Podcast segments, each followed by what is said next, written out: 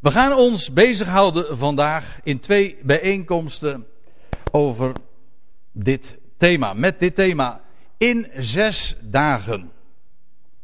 En dat refereert uiteraard aan wat we lezen in het eerste Bijbelhoofdstuk, Genesis 1. En het zal u niet ontgaan zijn dat dat een heel actueel thema is. Vanmorgen bladerde Petra, mijn vrouw, nog eventjes de, de folders door die gisteren in huis waren terechtgekomen. En toen zegt ze, kijk nou eens, heb u deze ook gekregen? In elk huis in Nederland is die verspreid, of wordt die verspreid in elk geval. Schepping of evolutie, of evolutie of schepping staat erboven.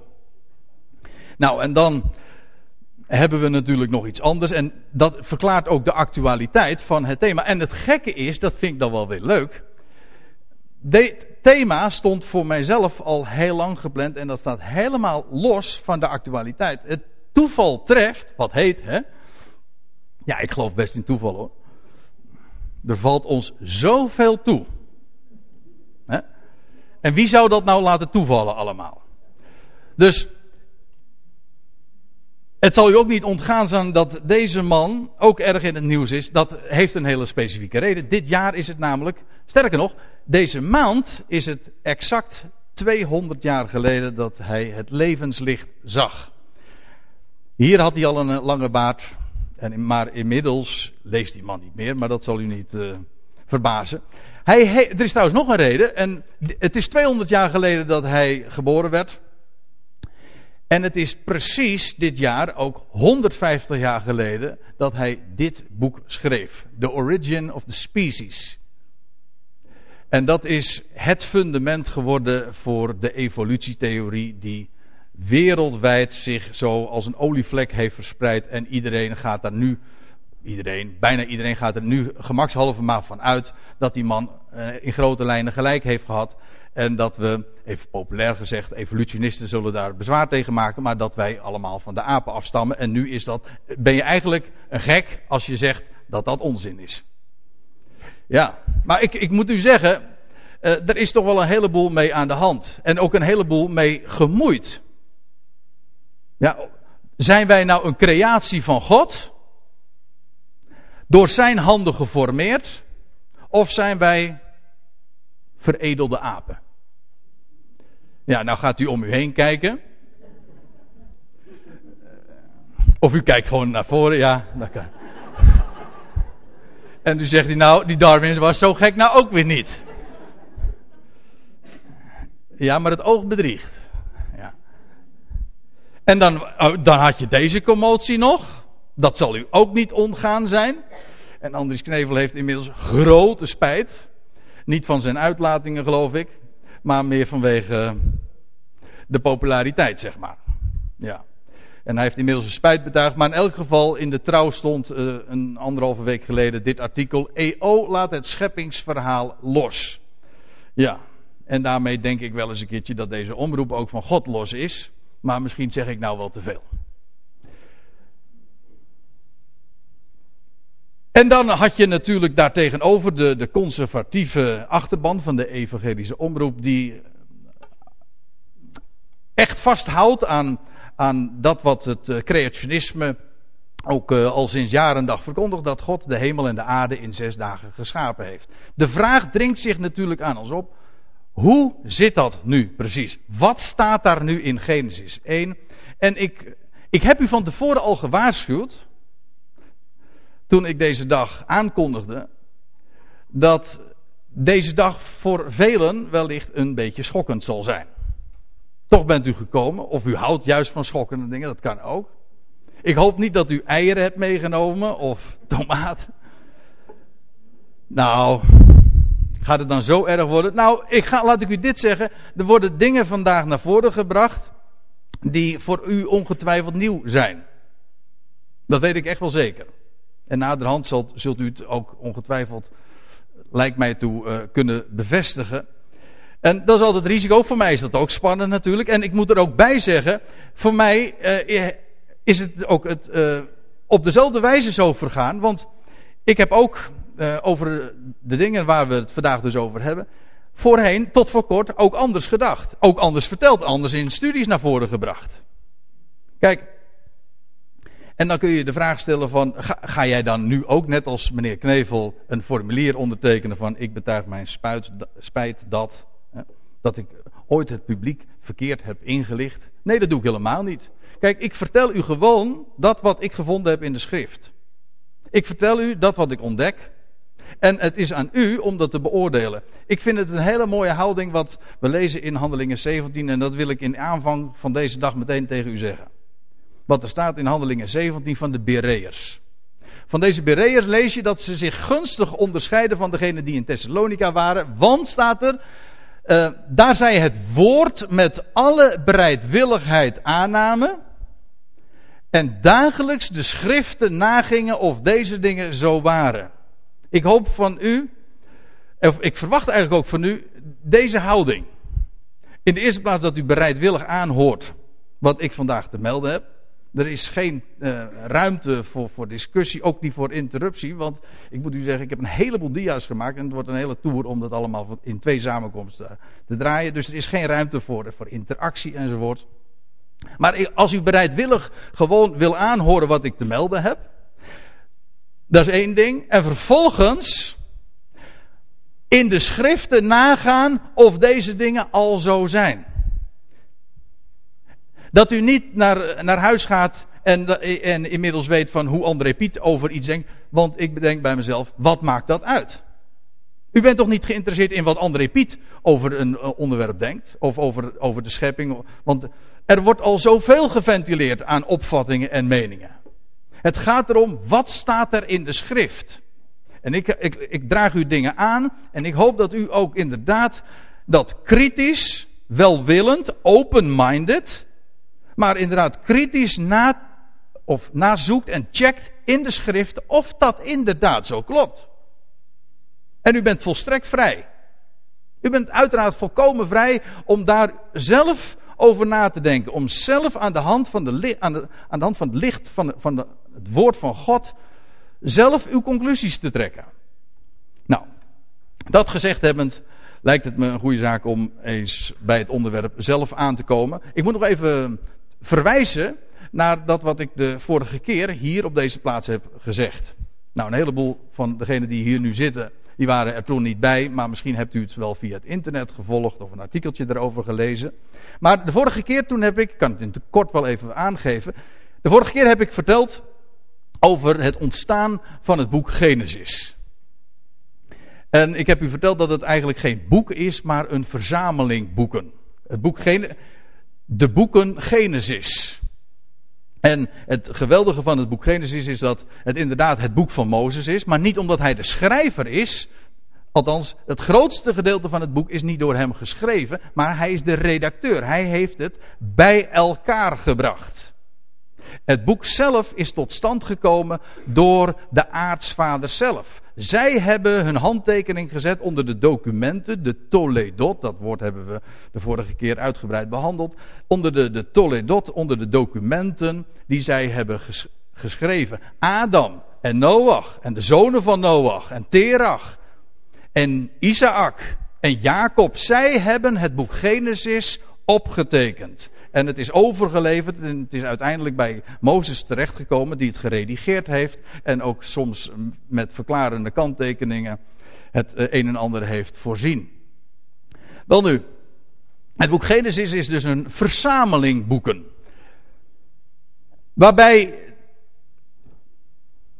het eerste document vinden we in Genesis 1 zelf. Genesis 1 tot hoofdstuk 2, vers 4. Ik noem het voor het gemak maar eventjes gewoon Genesis 1.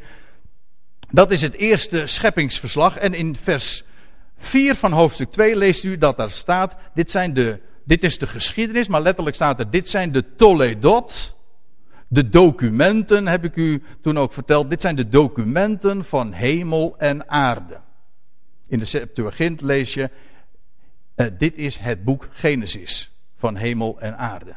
Dan weet u meteen waar de naam Genesis ook vandaan komt. Het is namelijk een woord dat uit het Grieks komt. het, we vinden dat hetzelfde boek, uh, datzelfde woord zoals dat in de Septuagint ook gebruikt wordt, ook weer in het Nieuwe Testament terug. En wel in het allereerste vers van ons Nieuwe Testament, Matthäus 1, vers 1. Daar wordt het vertaald met geslachtsregister. Het is een registratie, een document. Wel, Genesis 1, dat zijn de documenten van hemel en aarde. Dan krijg je het tweede document, het tweede boek. Dat is in, dat wordt afgesloten in hoofdstuk 5 vers 1. En dat is, daarin bevindt zich het tweede scheppingsverslag. Want we hebben, zoals u weet, we hebben in de Bijbel twee scheppingsverhalen. Genesis, e, het scheppingsverhaal van Genesis 1 en het scheppingsverhaal van Genesis 2. En daartussen worden er nogal eens een keertje tegenstrijdigheden, verschillen ontdekt. Daar gaan we het zo over hebben. Maar het gaat er eventjes om. Er zijn twee scheppingsverhalen, twee scheppingsverslagen. Maar aan het einde van, van dat document, in hoofdstuk 5 vers 1, dan staat er, dit is, ja in onze vertaling staat dan het geslachtsregister, maar er staat letterlijk, dit zijn de Toledot. Van, dit is het boek van documenten van Adam. Adam heeft dat boek opgetekend. Adam is de schrijver van die eerste hoofdstukken van Genesis. Dat is compleet onbekend, maar daarom vertellen we het ook gewoon tegen elkaar. Dit, moet dit, dit zijn dingen die zo van groot en eminent belang zijn voor het verstaan ook van Genesis en van de betrouwbaarheid van Genesis. Dat het informatie uit de eerste hand is. Adam heeft geschreven. Adam heeft geschreven over zijn, zijn eigen memoires, zal ik maar zeggen. Dat wat hij heeft meegemaakt in de Hof van Eden. En over de, de geschiedenis van zijn beide zonen. En, uh, en dan lees je dan aan het einde van, van, van zijn vertellingen, van zijn geschiedenissen, zijn memoires zal ik maar zeggen. Dit was het boek, of dit is het boek van de documenten van Adam. Waarna je natuurlijk de vraag uh, zou kunnen stellen: uh, hoe zit dat dan met dat eerste document? De documenten van, van hemel en aarde. Wie zou daar de schrijver van zijn? Ja, ik heb erbij gezet. Is het, zou, zou het echt gewoon gedicteerd zijn door God? Het is nog ouder dan wat we daarna dus lezen. Adam heeft een boek geschreven, en, maar Genesis 1 gaat daaraan vooraf. Geeft ons informatie over dingen die slechts één kan weten, namelijk degene die er zelf bij was. Want God heeft namelijk ook zijn, zal ik maar zeggen, zijn Origin of the Species geschreven. Al veel eerder, en als u het mij vraagt, ook veel betrouwbaarder. Solide. En ja, is dat. De, de, de schrijver wordt niet vermeld. Het staat gewoon bij in Genesis 2, vers 4. Dit zijn de documenten van de hemel en aarde. Normaal gesproken, als je die uitdrukking vindt, wordt er erbij gezegd van nou, geschreven door Adam of door Noach of door de zonen van Noach. Hier staat het er niet bij. Ja, dus moet je gaan speculeren. Wie zou het geweest kunnen zijn? Wie was er eerder dan Adam? Oh, het kan zijn dat dit gewoon geschreven is door, door Adam zelf. Dat het gedicteerd is door God. God heeft immers in Genesis 1 gesproken. En Adam heeft het gewoon opgetekend dan is Genesis 1 het oudste document van de hele wereldgeschiedenis. Het oudste boek ter wereld. Het is eigenlijk Gods manifest van de schepping. Hij heeft het aan de mensheid, de toenmalige mensheid, was maar één persoon nog, heeft hij het gegeven. Dat hij de schepper is van hemel en aarde. Anderen hebben gesuggereerd dat mogelijkerwijs dit eerste document, die eerste Tolidot, door God zelf zijn opgetekend. En dat is een hele interessante gedachte, want je leest namelijk tien keer in Genesis 1, en God zeide, en God zeide, en God zeide, en God zeide. Met andere woorden, er is sprake van tien woorden Gods. De tien woorden. Ja, en van de, wat, wat weten we van de tien woorden? Van die andere tien woorden, die monumentale tien woorden van God. Ja, dat God die inderdaad ook met zijn eigen vinger heeft geschreven in stenen tafelen op de harde schijf, zal ik maar zeggen. Tot twee keer toe zelfs. Heeft, of heeft, zou God het hebben geschreven? Of is gedicteerd dat Adam het eh, heeft gehoord uit de, uit de mond van God. God heeft Adam zelf onderwezen, onderricht gegeven daar in de Hof van Eden. Adam heeft het geschreven, genoteerd en het is een speciaal uh, document uh, in het boek van de documenten van Adam. Dat zou kunnen. Maar het is in elk geval, het gaat daaraan vooraf. En dat is heel bijzonder. Overigens, ik zei al, zowel hier in dit eerste deel, dit eerste boek, dit eerste uh, verzamelingen documenten, vind je het scheppingsverhaal, het bekende scheppingsverhaal van de zes dagen. En dan in Genesis 2 bevat ook een scheppingsverhaal en daartussen worden nogal eens verschillen geconstateerd. Trouwens, die verschillen zijn ook gewoon nogal duidelijk. Het zijn, het, kijk, men zegt, het zijn twee verschillende scheppingsverhalen en daar zijn theorieën over opgehangen, over, over de, de bronnentheorie, kent u die? Nee? Nou, gefeliciteerd, zou ik zeggen. Want die hoef je ook helemaal niet te kennen, want dat is allemaal onzin. Als we het eventjes kort door de bocht mogen formuleren. Kijk, het is namelijk, eh, dan zeggen ze ja, dat is de Jawist en de Eloïst. En de Deuteronomist. Ja, kijk, daar, en, en dan zeggen ze ja, dat waren allemaal verschillende schrijvers. En die hebben zo in, in de loop der tijden, zijn die bronnen bij elkaar gebracht. En, en ja, logisch, het is allemaal van menselijke makelij en vele uh, van recente datum. In ieder geval helemaal niet uh, gedateerd zoals de schrift het zelf voordraagt. Bijvoorbeeld dat het het boek van Adam zelf zou zijn, dat is gewoon te zot om aan te nemen, denkt men. Maar in elk geval, er zijn twee scheppingsverhalen. En dat is ook heel logisch. Het ene verhaal is namelijk het verhaal van God zelf. En het andere verhaal is het verhaal van Adam. En beide hebben het op hun eigen manier, zal ik maar zeggen, beleefd. Dat is nogal logisch. Maar zegt men, ja, daar zitten toch nogal wat tegenstrijdigheden in. Dat wil zeggen, eigenlijk één grote tegenstrijdigheid. En het wordt altijd weer opgevoerd als je het hebt over het scheppingsverhaal. Want als iemand dan een beetje thuis is in de Bijbel, dan zeggen ze, ja, het scheppingsverhaal, hallo, er zijn twee scheppingsverhalen en die zijn niet te verenigen. Dat, zijn, dat is een heel groot verschil. En als vraag je dan hoe dan, dan zeggen ze, ja, dat weet ik ook niet. Meestal is dat dan de reactie, want ja, je hebt dan wel eens de klok horen luiden, hè?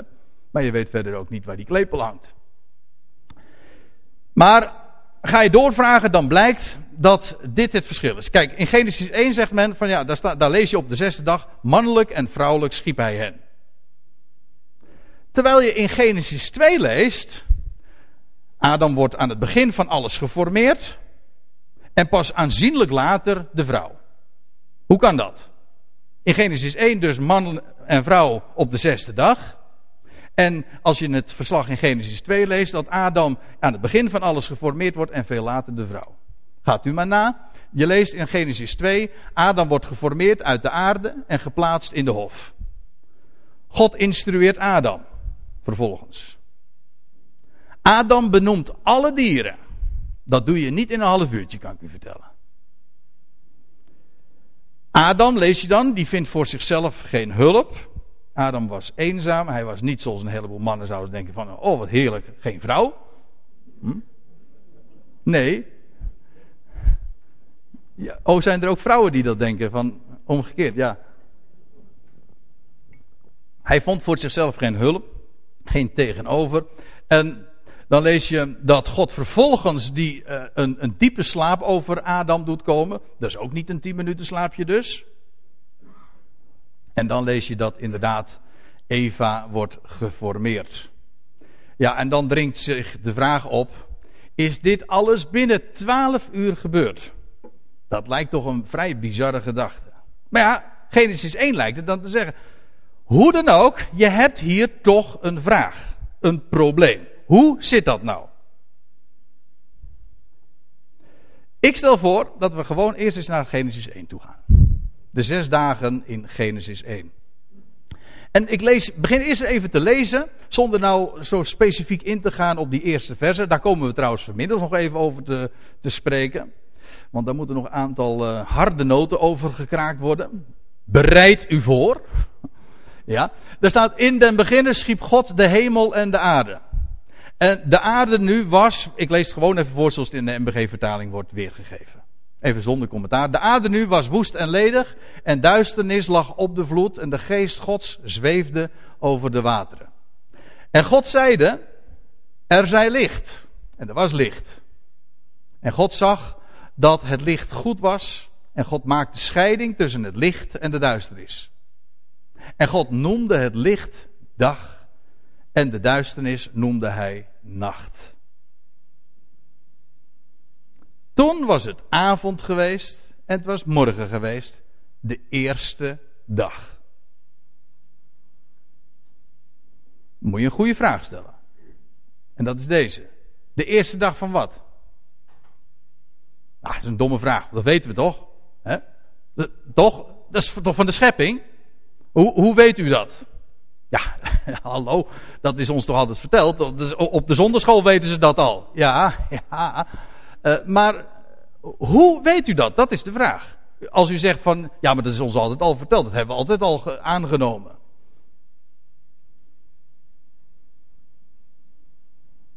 Over wiens eerste dag gaat het hier eigenlijk? Of de eerste dag van wat? Ja, van de schepping. Nou, dan heb ik een. Dan dringen zich toch wel een aantal hele grote problemen. Als we zeggen dat, dat dit de eerste scheppingsdag is, dan heb ik een paar vragen. En hou u vast. Dan zit je met een aantal ongerijmdheden, namelijk. De eerste is deze. Hoe kan er sprake zijn van dag vanavond, vanmorgen, als er geen zon is. Van de, de zon komt pas ter sprake op de vierde dag. Ja, ik begin nu eerst alleen maar vragen te stellen. Ik geef nog geen antwoorden. Is nog helemaal niet schokkend. De vragen worden alleen maar groter dus. Maar hoe, hoe kan er sprake zijn van dag, van avond en morgen als er nog geen zon is? Is een dag namelijk niet gewoon de periode van licht de, dag, de periode tussen zonsopgang en zonsondergang. Wat is een avond anders dan zonsondergang en een, een morgen anders dan zonsopgang? Opgang. En dit is zelfs als een kind Genesis 1 leest, en hij leest het met enige intelligentie, is dat de eerste vraag die opkomt. Waar kwam dat licht vandaan en hoe kan er sprake zijn van een dag, van een avond en een ochtend als de zon er nog niet is? En eigenlijk is er niet echt een antwoord. Ja, ik had in het verleden altijd wel een antwoord, maar bij nader inzien bleek dat ook niet. Het staat zelfs nog op mijn website te lezen. Ik heb die vraag gekregen en ik heb gezegd, ja, waarschijnlijk betekent dat gewoon dat op de vierde dag niet de zon geschapen werd, maar werd, kwam die tevoorschijn. Per slotverrekening, in Nederland gebeurt het heel wat vaker, dat het dag wordt, maar dat het, dat het dagen duurt voordat we die zon eens een keertje zien.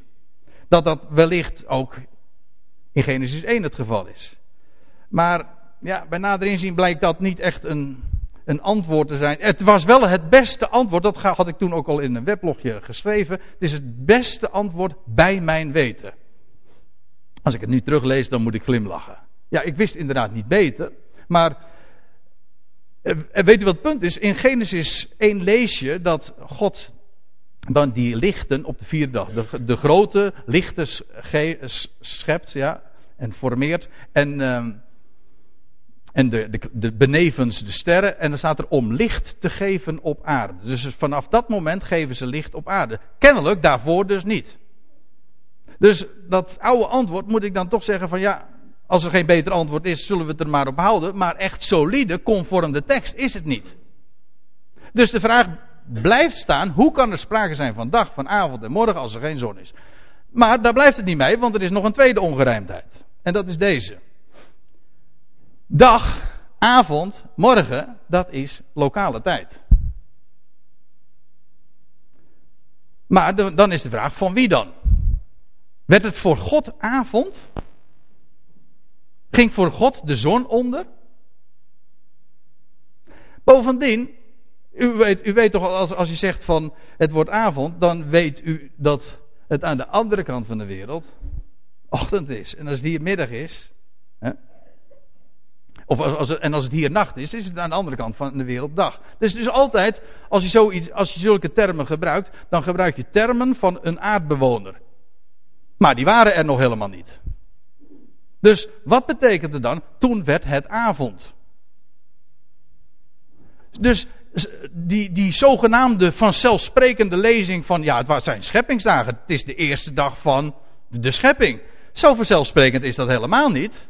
Want Zulke vragen dringen zich gewoon aan je op wanneer je er even gewoon over nadenkt. U zegt misschien, Ik ga er niet over nadenken, ik geloof gewoon wat het woord zegt. Dan zeg ik, dat is heel verstandig. Dat is heel verstandig als u zegt van ik hoef het helemaal niet te snappen. Maar ik, dan daag ik u wel uit als u zegt van het is de eerste dag van de schepping. Waar staat dat dan? Dat staat er niet. Maar daar blijft het nog niet bij. Er is namelijk nog een ongerijmdheid, die wil ik u dan ook even noemen. En dat is, houdt God soms nachtrust? want we spreken over dagen, over de dagen dat God geschapen heeft. In de discussie trouwens, heel, dat is wel leuk. In de discussie die zich in de christelijke pers heeft uh, voorgedaan, dan, dan heeft men het voortdurend over dat God het in zes dagen van 24 uur geschapen heeft. Dat is dan de, de, de orthodoxe insteek. Maar, ik moet u zeggen, zulke dagen kent de Bijbel niet eens. Weet u dat? Dagen van 24 uur. Nee. Nee, de Bijbel kent geen dagen van 24 uur. De Heer Jezus zei al, gaan er geen 12 uren in een dag. Want de grap is, het woord dag wordt al gedefinieerd in Genesis 1.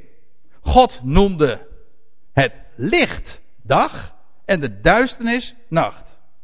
Gemiddeld duurt een dag, ook hier, waar je ook bent, altijd 12 uur. Gemiddeld. Hier wat.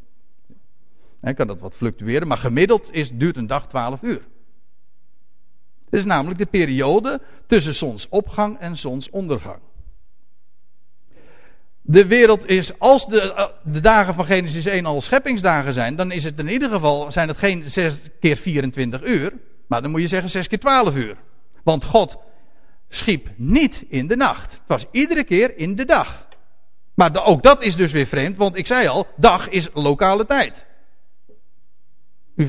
Of ga ik er nou een beetje te diep op in? Maar uh, nog iets anders, hè? Houd, houd God nachtrust. Ik dacht dat de nacht voor de mens was. Ik heb als kind, als ik naar bed ging, dan boog ik mijn knietjes en wat bad ik toen. Een heleboel van u kennen datzelfde gebed ongetwijfeld. Ik ga slapen, ik ben moe, ik sluit mijn beide oogjes toe. Houd, houd ook deze nacht over mij getrouwde wacht. Dat wil zeggen, als ik mijn oogjes dicht doe, dan waakt u. Want, lezen we al in de, in de psalmen, de bewaarder van Israël sluimert nog slaapt. En in Jezaja zegt het zo prachtig dat jongelingen worden moe, maar de eeuwige, hoe staat het er precies? Hij wordt nog moede, nog mat. God houdt geen nachtrust.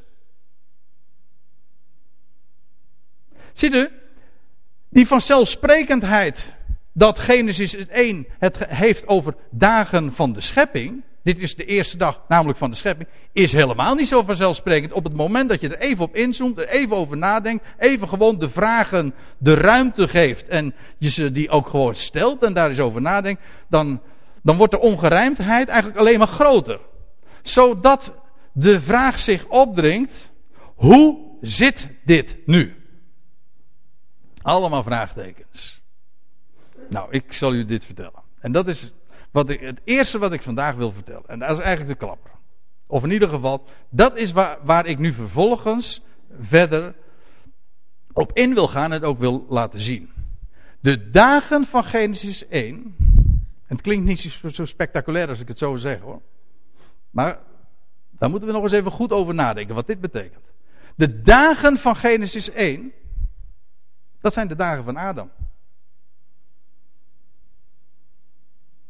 Dus als er staat, het was avond geweest en het was morgen geweest, de eerste dag, of dag één, van wie?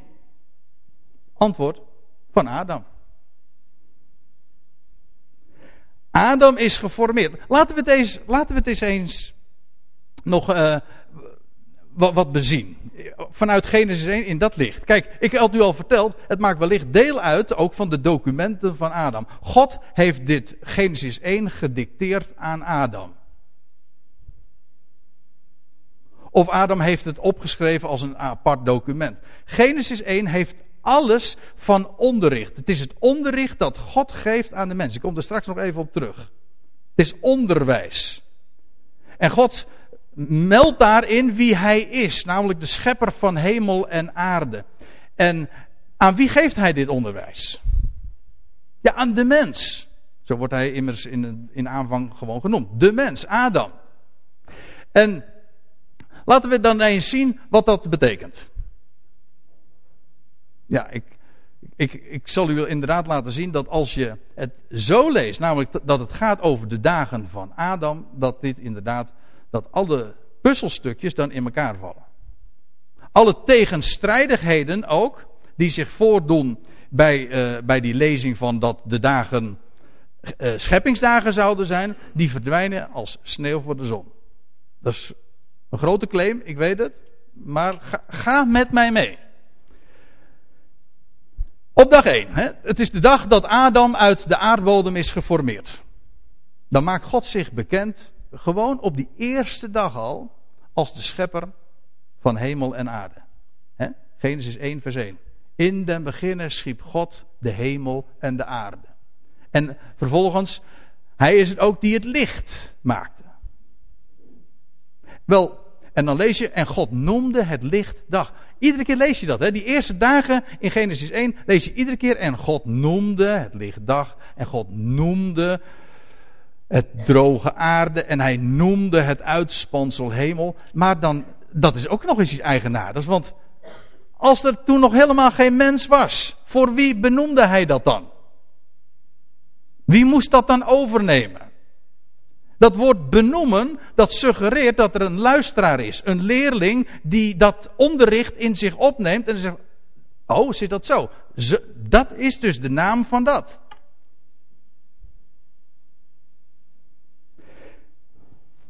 God noemde het lichtdag.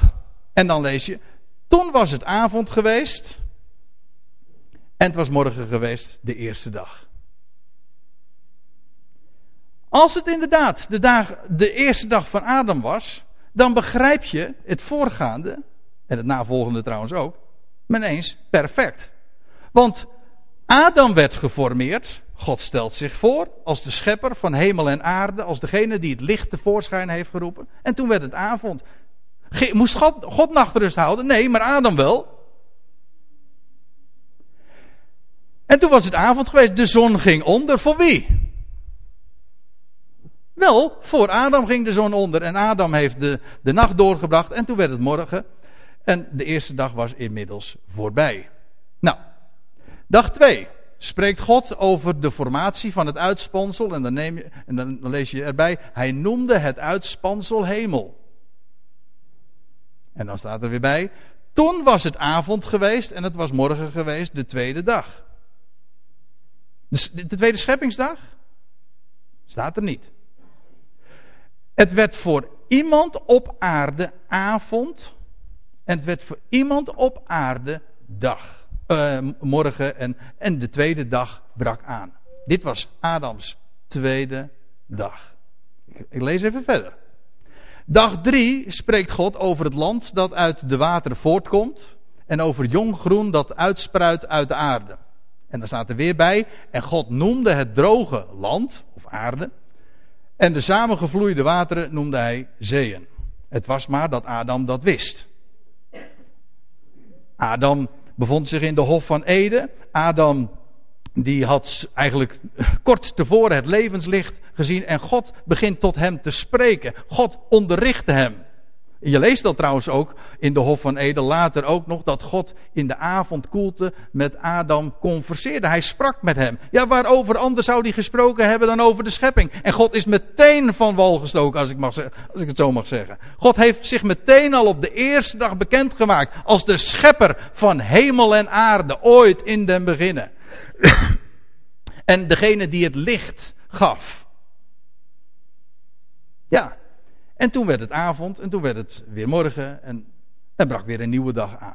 Voor iemand op aarde, voor iemand die naar zijn God luisterde. En naar, voor iemand die onderricht wordt, die nog helemaal blanco is en die onderwezen wordt door de schepper van hemel en aarde wie hij is. En wat hij gedaan heeft. En elke dag vertelt God wat meer. En wellicht heeft Adam meteen ook het allemaal opgetekend kom daar misschien straks nog eventjes op terug. Dat hij het elke dag heeft opgetekend. Wat God, wat God heeft gesproken, met recht dus gedicteerd. Dat is nog een hele klus geweest. Als je, als je dat zes dagen gedaan hebt, dan heb je wel een rustdag nodig. Nou goed, dat is een grapje die ik eigenlijk had later had moeten maken, maar dat denk ik dan zomaar even aan. Ik bedoel, dan, dan, lees je vervolgens op dag drie. Toen was het avond geweest en het was morgen geweest, de derde dag. Dit is, de formulering die we zes keer tegenkomen. Iedere keer weer. Toen was het avond geweest, het was morgen geweest, de derde dag. Dag 4. Dan spreekt God over hoe hij de schepper is van de beide grote lichten. Gek hè? Je, ze worden nog niet eens daar in dat hoofdstuk benoemd. Er staat het grotere licht des daags en het kleinere licht des nachts. De, waarmee respectievelijk op de zon en de maan gedoeld wordt.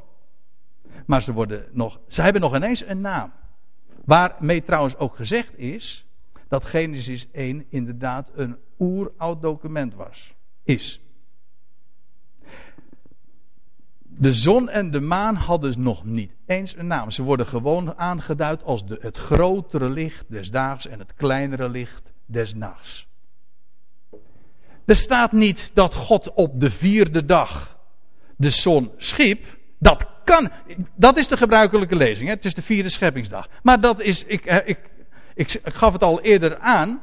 Dat is eigenlijk dus een, een heel bizar idee. Want hoe, als dat inderdaad het geval zou zijn, hoe kon daar dan inderdaad die eerste dagen al sprake zijn van dagen? En van avonden en van morgens? Als de vierde dag pas de zon geschapen wordt. Hoe kan dat? De oplossing is heel eenvoudig, namelijk als we ervan uitgaan dat het om Adam gaat. Adam krijgt de vierde dag te horen wat we lezen dat God de beide, lichten, eh, de beide lichten schiep. En over wat God dus in den beginnen ooit gedaan had. God onderwees Adam op de vierde dag over de schepping ooit van de zon en van de maan en van de sterren. Hij openbaarde dat aan Adam op de vierde dag. En dan lees je, toen was het avond geweest en het was morgen geweest, de vierde dag. Dag 5 spreekt God over de schepping van de vogels en van de vissen. En dan lees je weer, toen was het avond geweest en het was morgen geweest, de vijfde dag. Dag 6, dat is de, inmiddels de laatste werkdag zal ik maar zeggen. Dus dag 6 spreekt God over de verschijning van de landsdieren. Dag 6 is een drukke dag, want dan lees je ook verschillende keren dat God het woord neemt. En last but not least, zeggen ze dan in het Engels, eindigt de historie van Genesis 1 met de schepping van de mens. Op de zesde, nou, dan lees je, naar Gods beeld schiep hij hem, mannelijk en vrouwelijk schiep hij hen. Dat wil zeggen, op de zesde dag vertelt God over de schepping van de mens. Op de vijfde, zoals hij op de vijfde dag sprak over de schepping van de vogels en de vissen. Niet omdat hij op de vijfde dag de vogels en de vissen gemaakt had. Nee, op de vijfde dag vertelde hij ook aan Adam over de, over de creatie van de vogels en de vissen. Dat is iets heel anders. Op dag zes spreekt God tenslotte, dat is de afsluiting van de historie, spreekt hij over de mens die hij schiep, mannelijk en vrouwelijk schiep hij hen. Hey. Tot dusver was er alleen maar sprake van Adam. Niet waar? Maar nu, op de zesde dag, wordt niet alleen maar de historie afgesloten, de geschiedenis, het verhaal afgesloten, maar er gebeurt nog iets. God sluit ook zijn scheppingswerk af. En God schiep toen op die zesde dag inderdaad de vrouw. Je leest in Genesis 2, toen deed de Heer, over de creatie van de vrouw. Toen deed de Heere God een diepe slaap op de mens vallen. En de Heere God bouwde de rib, letterlijk staat er de zijde. Ik ga daar nu verder niet op in. Hij bouwde de zijde die hij uit de mens genomen had tot een vrouw en hij bracht haar tot de mens. En toen zeide de mens, staat er. Nee, niet thank God it's Friday. Dat had hij ook kunnen zeggen. Hij zei ook niet, uh, een, dat is een rib uit mijn lijf. Had hij ook nog kunnen zeggen: nee, dit is nu eindelijk vlees van mijn vlees en gebeente van mijn gebeente. Ja? Maar goed, dat lees je dus in Genesis 2. En daarmee is tevens nog een ander groot probleem rond de lezing van Genesis 1 en 2 opgelost. Namelijk, niet alleen maar die kwestie van die dagen en over die avonden en de morgens, maar ook die tegenstrijdigheid van Genesis 1 en Genesis 2. Die zogenaamde tegenstrijdigheid. Namelijk dat, op dat in Genesis 2 gezegd wordt dat Adam aanzienlijk eerder geformeerd is dan Eva. Nou, dat klopt ook. Adam werd geformeerd op de eerste dag. De dagen van Genesis zijn, zijn Adams dagen. Maar op de zesde dag formeert God, nadat Adam een diepe slaap uh, over hem heeft de, deed uh, gaan, nadat God een diepe slaap over hem deed gaan, heeft hij Eva geformeerd uit Adam. Je leest trouwens dan ook. En God zegende hen. Tot dusver was alleen Adam aangesproken. En nu lees je ook over de vrouw. En God zegende hen. En God zeide tot hen. Want nu was Eva er ook. Wees vruchtbaar, word tolrijk, vervult de aarde en onderwerpt haar. En dan lees je weer. Toen was het avond geweest en het was morgen geweest, de zesde dag. En let op. Toen God op de zevende dag het werk voltooid had dat hij gedaan had, rustte, dat staat er eigenlijk niet hoor, er staat staakte hij op de zevende dag van al het werk dat hij gedaan had. Dat wil zeggen, op die zevende dag is inderdaad het hele, de geschiedenis verteld van de zes dagen aan Adam. Maar er is bovendien nog iets anders gedaan. Hij heeft, staat er, hij had het werk voltooid, maar hij had al het werk ook voltooid. Zodat die zes dagen van Genesis 1 niet alleen maar de openbaring zijn van God, de schepper aan Adam, maar bovendien ook de voltooiing is van Gods scheppingswerk. God schiep Adam op de eerste dag en op de zesde dag formeert hij Eva. En de schepping van de mens, mannelijk en vrouwelijk, is de voltooiing van zijn werk. Zodat God inderdaad in die zes dagen het scheppingswerk voltooid heeft. Al het werk heeft hij voltooid. De geschiedenis heeft hij verteld, het hele verslag heeft hij gedaan. Maar bovendien, hij heeft ook de bekroning van zijn werk, van zijn scheppingswerk, heeft hij in die zes dagen heeft hij tot stand gebracht.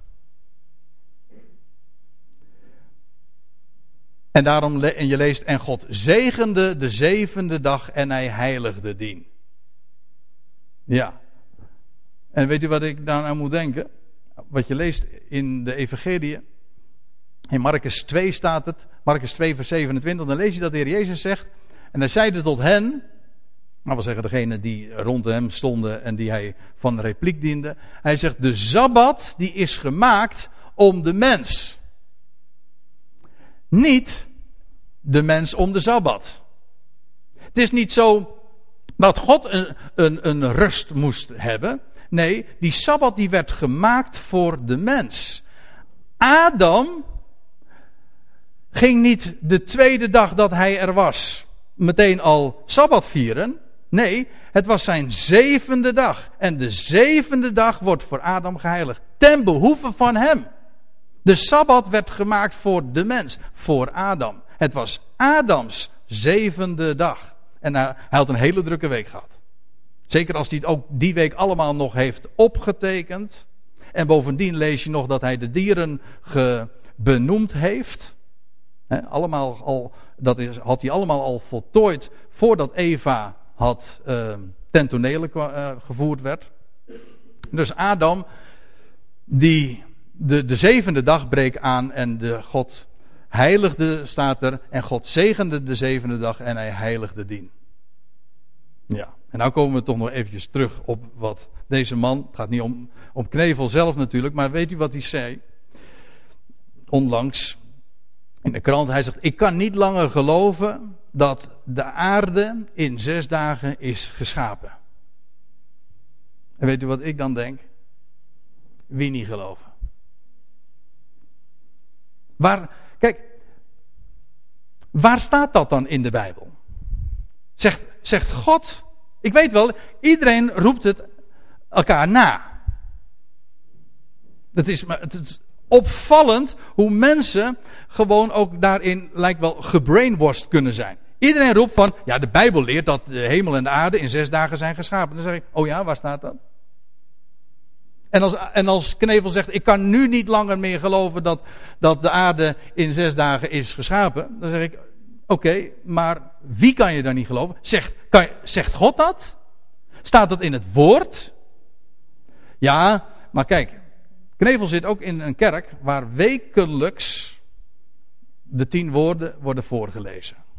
Of dat zo handig en zo goed is, daar hebben we het nu even niet over, maar niet waar? Exodus 20, de tien geboden. En wat zegt de, en wat, eh, als de dominee dat dan voorleest, dan zegt hij, want in zes dagen zult ge arbeiden, u kent die tekst hè. Zes dagen zult ge arbeiden en al uw werk doen, maar de zevende dag zult ge geen werk doen. Dat is de Sabbat van de Heer uw God. En dan staat erachter, want in zes dagen heeft de Heere de hemel en de aarde geschapen.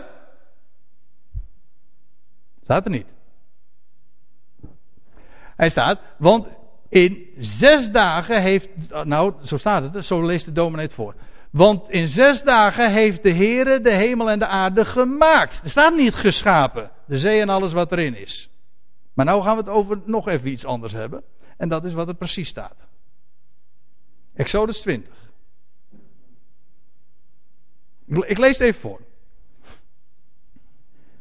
Nee, laat ik het anders zeggen. Dat woord wat vertaald wordt hier met gemaakt, dat is een het Hebreeuwse woord dat daarachter schuil gaat, dat is het, het woordje, het, het werkwoord asa. Nou, dat komt drie keer voor in dit betreffende gebod. In dit Godswoord. En dan staat er in vers 8: Gedenk de Sabbatdag dat gij die heiligt. Zes dagen zult gij arbeiden en al uw werk doen. Staat het woordje asa. Maar de zevende dag is de Sabbat van de Heer uw God. Dan zult gij geen werk doen. Weer dat woordje asa. Want in zes dagen heeft de Heer de hemel en de aarde. Staat er dan in de vertaling. Gemaakt. De zee en al wat erin is. Maar dat staat er niet. Er staat, in zes dagen heeft de Heer de hemel en de aarde, als je het concordant weergeeft, als men het, als men het in de, op de derde keer, de derde keer hetzelfde had weergegeven als de eerdere twee keren, dan had er dus dit gestaan. Want in zes dagen heeft de Heer de hemel en de aarde gedaan. De zee en alles wat daarin is. En uiteraard wordt daarmee direct verwezen naar wat we lezen in Genesis 1. Staat hier dat de Heer de hemel en de aarde in zes dagen geschapen heeft? Nee. Er staat dat hij heeft de hemel en de aarde in zes dagen gedaan. Hoezo? Wat gedaan met hemel en aarde? Dat is een vrij onbepaald woord. Je kan namelijk van alles doen. Hè? Doen kan op van alles eh, slaan. Nou, dat is precies wat we in Genesis 1 lezen. In zes dagen heeft de Heer de hemel en de aarde gedaan. Namelijk, in zes dagen deed hij dat verslag. In zes dagen doet God de hemel en de aarde en hij doet verslag van wat hij in den beginnen geschapen heeft. In zes dagen maakte hij het boek ook van hemel en aarde. Of dicteerde hij van mijn part het boek van hemel en aarde.